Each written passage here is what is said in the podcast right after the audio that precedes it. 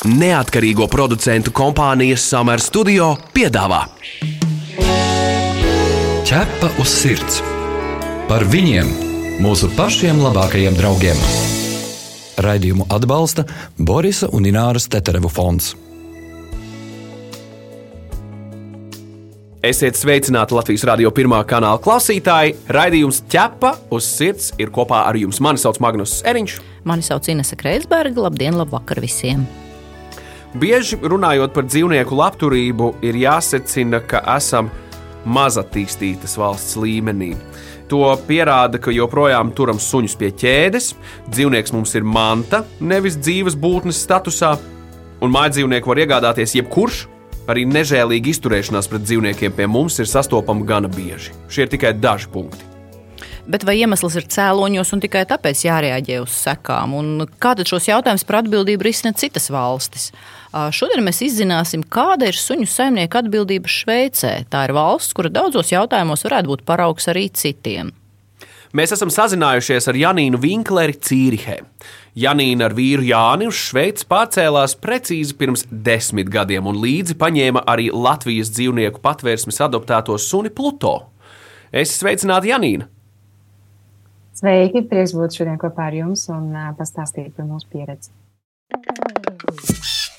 Ja tavs sirds skaidro faktus, Janīna, vai jūs ar Jāni pārcēlāties uz Šveici vispirms paši un tad suns, jeb kā tas notika?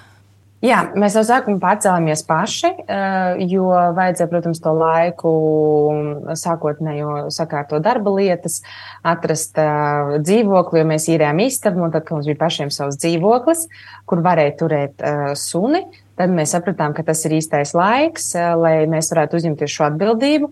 Mēs zinām, ka darbā viss ir stabili, mēs esam izturējuši pārbaudas laikus, viss ir kārtībā. Un tad eh, mēs braucam uz Latviju un gājām uz eh, patvērsmu labās mājas. Nu, lūk, un te tas interesantākais sākums. Ja? Ar ko jūs uh, sapratāt, ar ko būs jārēķinās, lai pirmkārt sāksim ar to atvestu suni uz Šveici? Vai tur bija kādas problēmas un, un kādi pārsteigumi jums radās pēc tam, kad jūs sapratāt, kāda ir, um, nu, teiksim, varbūt tie stingrie likumi, kas ir šajā valstī? Es uh, noteikti ļoti daudz par to interesējos. Es zināju, es jautāju. Mums nebija daudz gadījumu, kur uh, kāds to būtu izdarījis pats, bet visu varēja atrast internetā, es ļoti priecīgi par to esmu. Un um, tā pa šiem gadiem dzīvojot, esmu ļoti daudz iepazinusi cilvēkus, kuri ir aizbraukuši, piemēram, ceļojumā vai uz Itāliju vai uz Spāniju, un ir atveduši līdzi suni, ir adaptējuši dzīvnieku.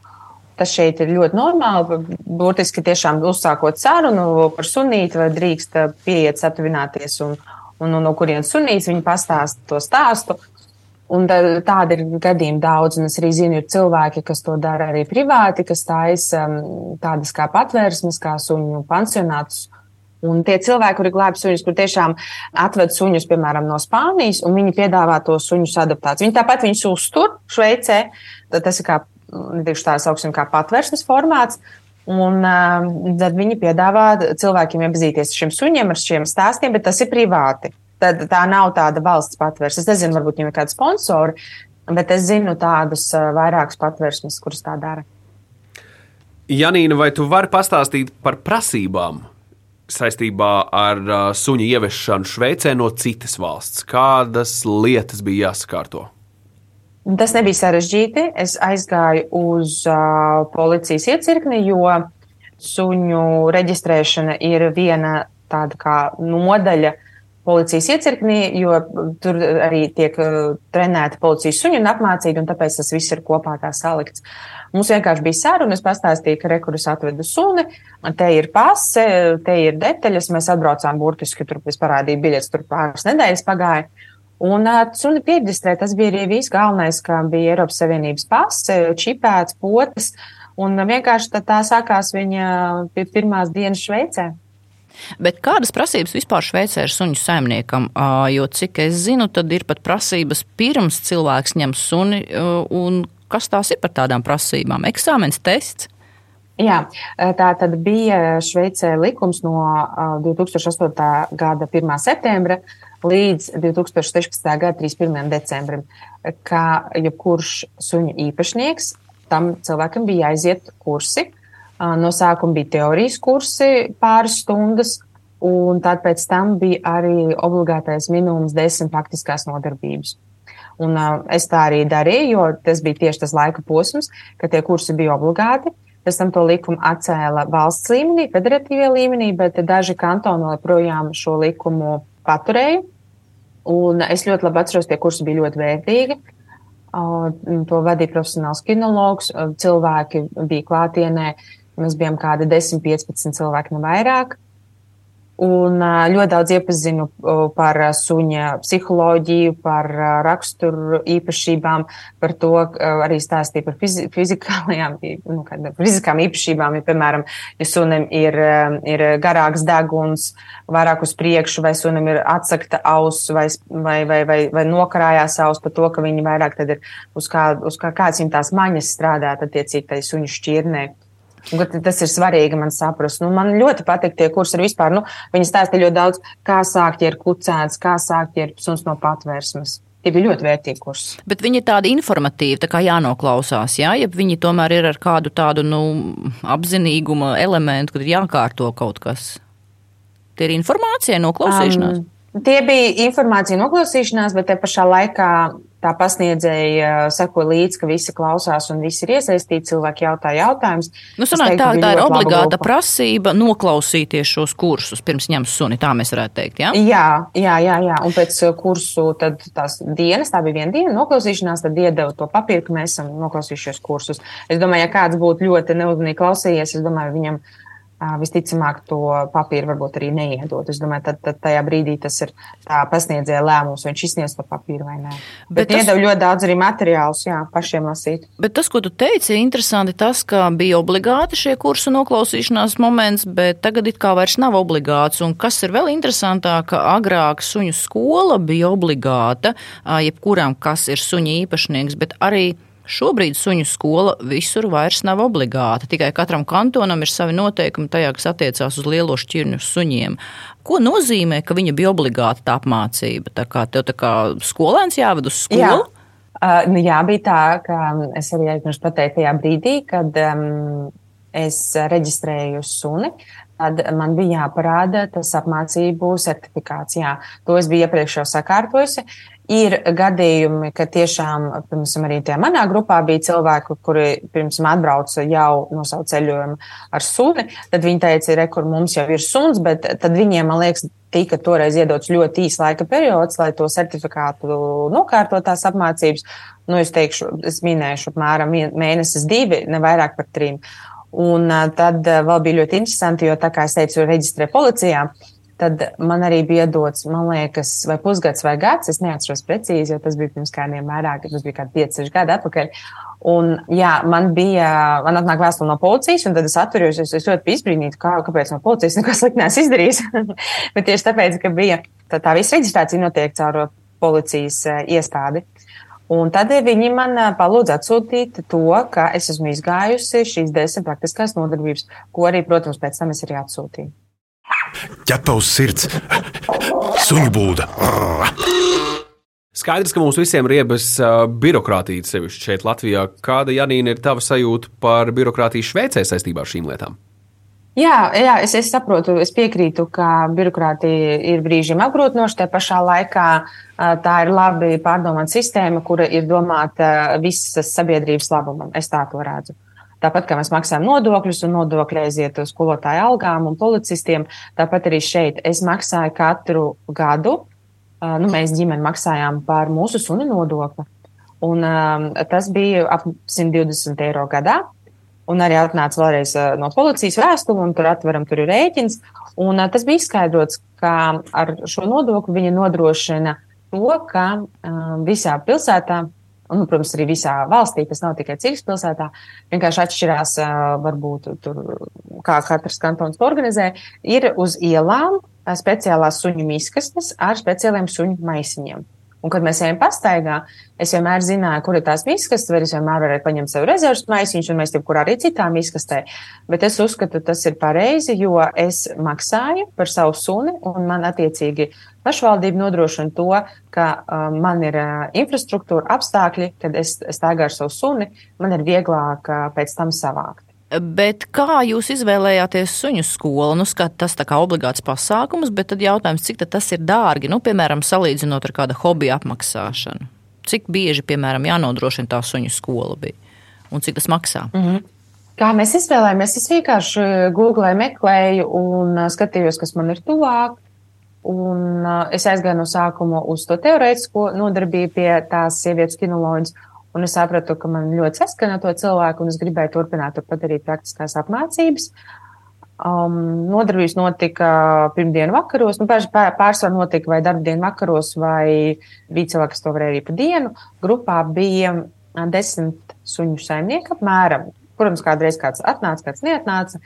Un uh, sākām ar visparastākajām lietām, kā iemācīt sunim sēdēt, kā iemācīt sekot, kā iemācīt dot ķepu, Un man likās, ka mans suns, kurš nāk no patvēršanas un kuram ir ļoti grūta pagātne, ka viņš to neiemācīsies. Es nezinu, kāpēc biju iedomājusies tā, jo es redzēju, cik viņam visi tie pirmie mēneši jau tā bija grūti adaptēties. Un es redzēju, cik ļoti profesionāls kinologs cilvēks, kā viņš to suni var pārvērst, kā viņa burtiski tādu šārmu, nu, manu suni, kurš man likās, kurš vispār neklausa, neko nesaprot, cik ļoti viņa varēja tā ieinteresēt un cik ļoti viņš klausīja viņu. Un es sapratu, tas nozīmē, ja mans suns klausa to svešo cilvēku, kinoloģiju, nozīmē, ka viņš iemācīsies klausīt arī mani, un kas ar laiku, protams, tā arī notika. Un man, principā, tas bija liels tāds psiholoģiskais moments un akā moments, un tur, starp citu, bija arī manā grupā vēl viens suns, kuru izglāba no uh, dzīvnieku testēšanas. Viņu izmantoja kādus, viņam sunim bija kādi 5, 6, 7 gadi, tiešām, teiksim, tāds jau vecāks sunīts.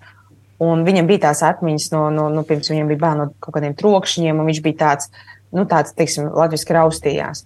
Un arī kā ar tādu suni var strādāt. Un, um, es teikšu, ka tas ļoti daudz iegūst gan suns, gan ģimene, gan visa sabiedrība kopumā, ja tiek strādāts ar suņiem un viņi tiek apmācīti. Tu esi mans draugs, ķepus sirds. Runājot par pavadu, eh, ja es pareizi saprotu, pilsētā jāvada suns ir pie pavadas, ja tas jebkurš veicē ārpus var bez. Pareizi?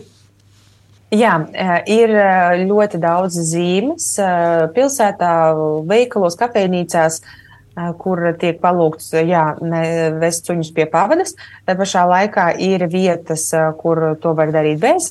Attiecīgi parki, pļavas, Bet arī pirms tam jāskatās, jo var būt tā zīme ir uzlikta, ka šeit ir pie pavadas, varbūt arī attiecīgi, ka, ka, ka nav zīme. Un um, ir uh, Cīrihē viens tāds ļoti liels visiem suņu īpašniekiem zināms parks, kur, uh, nu, milzīgs tāds parks, suņu vieta, kur principā var iet un tu, tur visi zina, ka var palaist suņus. Un nu, turpat ir suņu kafejnīca, kur nopirkt gan uh, suņu īpašnieks savukārt kārumu, gan arī suņiem pašiem nopirkt kādu kārumu. Ļoti jauka vieta. Uh, un tiešām tā ir tāda ļoti oficiāla vieta, un visi zina, visi var iet tur, palaist savu suņu skraidīt un, un, un draudzēties ar citiem suņiem. Un es teiktu, ka tas funkcionē ļoti labi, jo visi apmēram zina, kur kas ir atļauts, un to arī ļoti ievēro.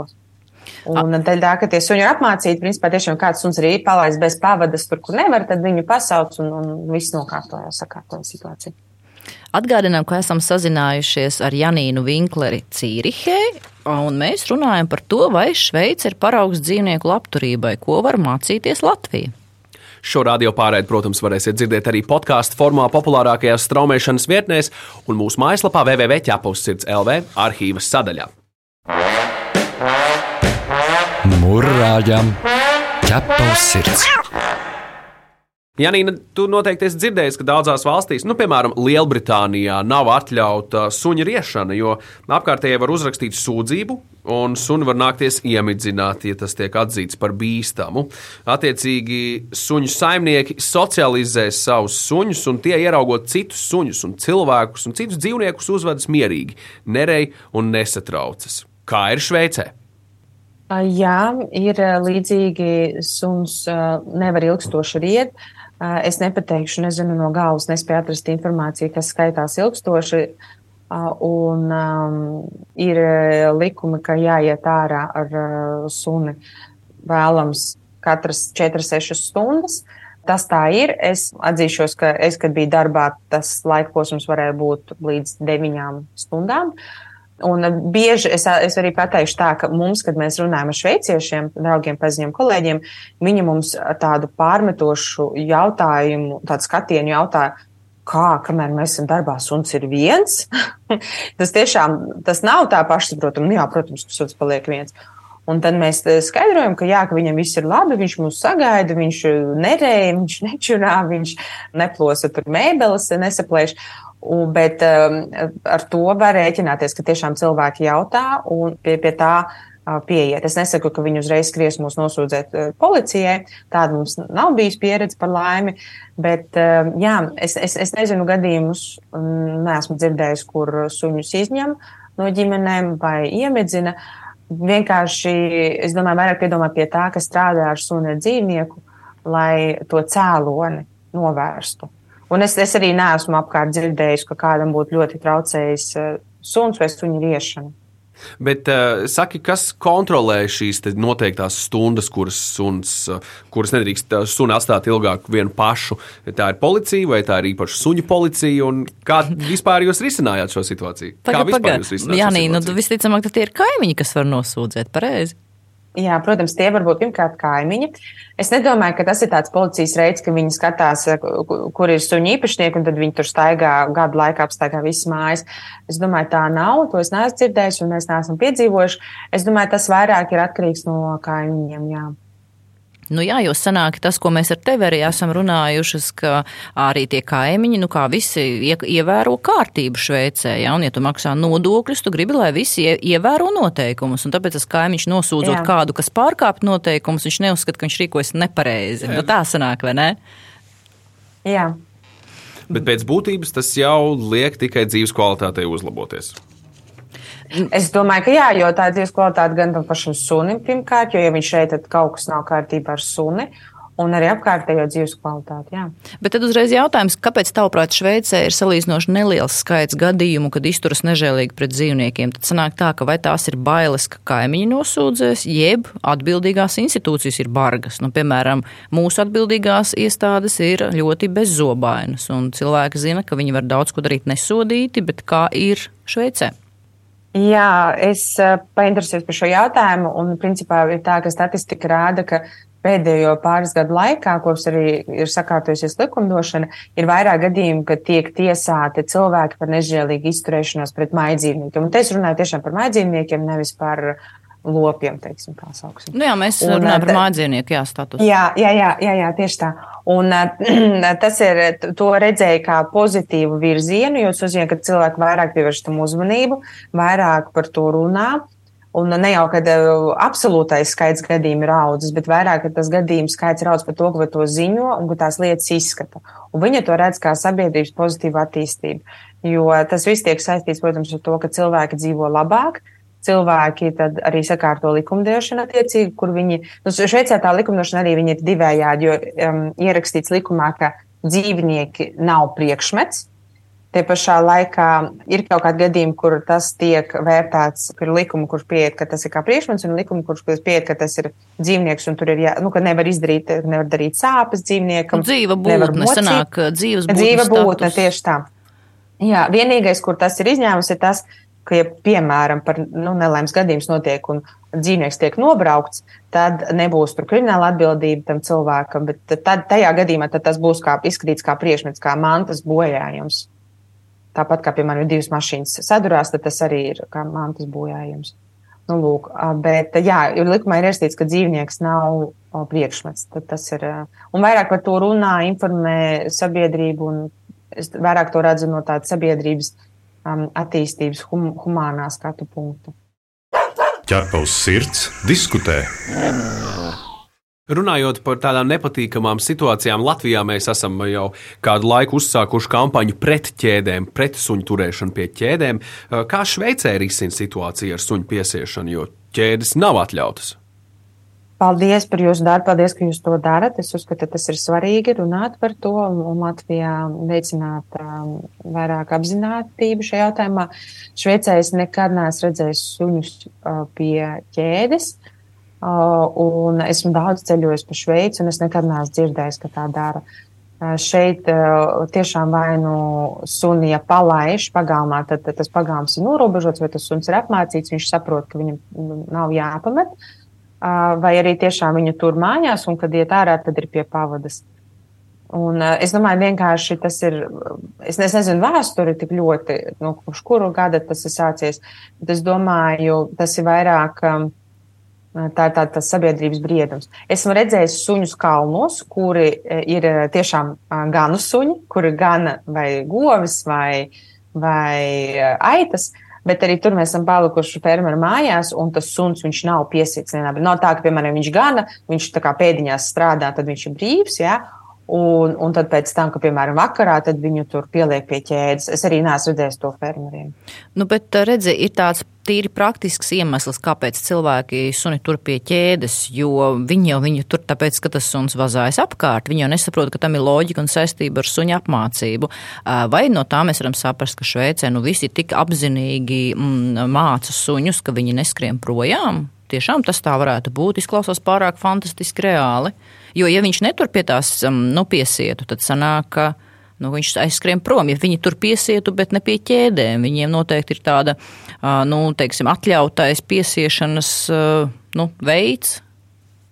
Es gribu tā atbildēt, uh, Ines, tad es uzaicinu Šveici, uzaicinu uz to ielai, kur mēs dzīvojam pie ļoti tādiem zemniekiem, kuri dzīvo pēc ļoti tādiem tradicionāliem likumiem. Un tā ir milzīga iela, un tur kaut kur pa vidu maza mājiņa, kur ir aitas, kazas, vistas, govis, cūkas. Nu, tāda paliela ferma. Un tas suns var redzēt, tur viņš ir salīdzinoši jauns, kā teiksim, 3-4 gadi, ja tam sunim ne vairāk. Un viņš skraida pilnīgi brīvs tur. Un tur tiešām ir viss, tas tur ir cilvēki apkārt staigā. Un, ja viņš gribētu aizskriet, nu, tur viņu nu, nav izredzes vispār atrast. Tā iela ir milzīga. Un, nu, mēs tur katru gadu braucam, un es nedomāju, ka viņam ir katru gadu jauns suns. Es domāju, tas ir iespējams. Es domāju, to var izdarīt. Un, un, un tas ir vienkārši varbūt gribas jautājums. Runājot par uzturēšanu saistībā ar mājdzīvniekiem Šveicē, kas ir dārgākais suņu uzturēšanā? Gadā tās varētu būt nodevas, vetārstu pakalpojumi, varbūt kaut kas cits, par ko mēs neesam pat aizdomājušies. Nu, mēs sapratām par nodokli tiem 120 eiro gadā apmēram, bet nu, vetārsta pakalpojumi noteikti visā pasaulē dārgi. Šveicē varētu būt kosmos. Varbūt ir vēl kas, ar Jā. ko jārēķinās. Es teiktu, tas ir pirmkārt eh, no tā uztura, kā kurš saimnieks organizē uzturu, jo, protams, arī Latvijā tas pats, tas cenu diapazons ir milzīgs, var atrast kaut ko tādu vienkāršāku.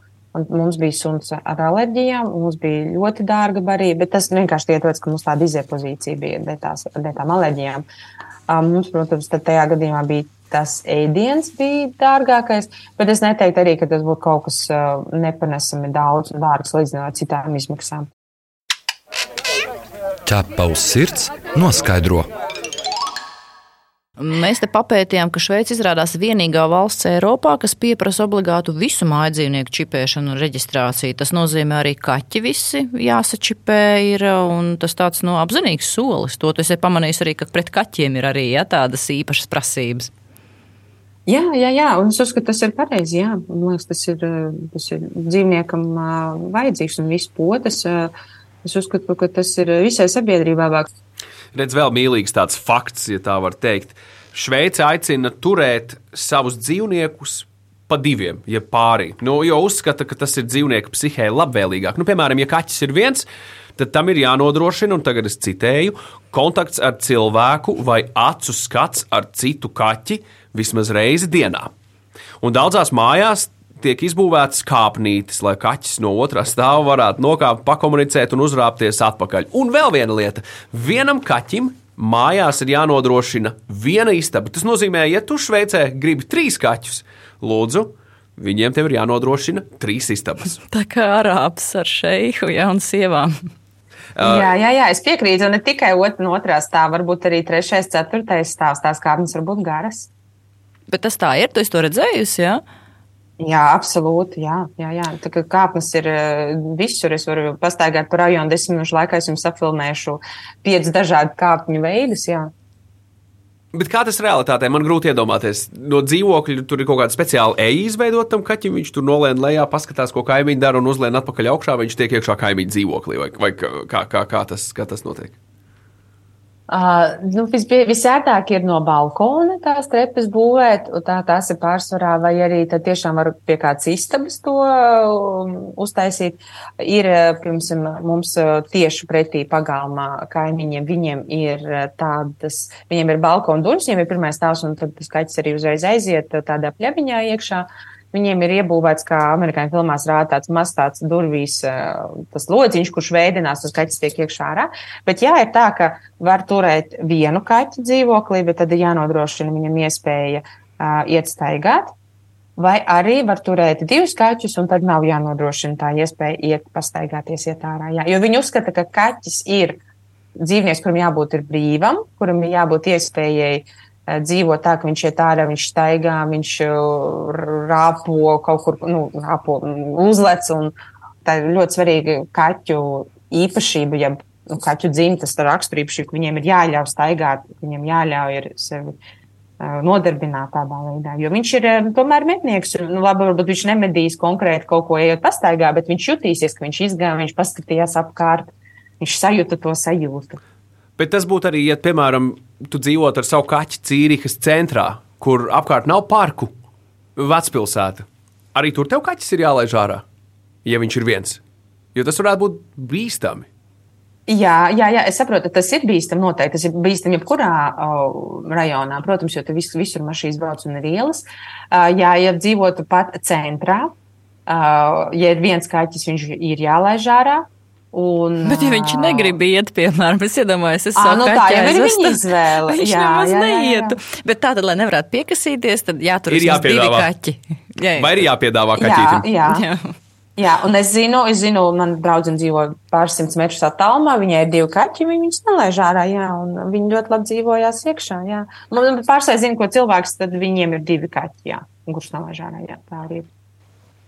Janīna pastāstīja par to, cik šveicieši ir naski vai atbildīgi, piemēram, ņemot suni vai kaķi, vai tev pazīstamo vietējo vidū, vairāk tādi, kam ir dzīvnieks, vai tādi, kam dzīvnieku nav?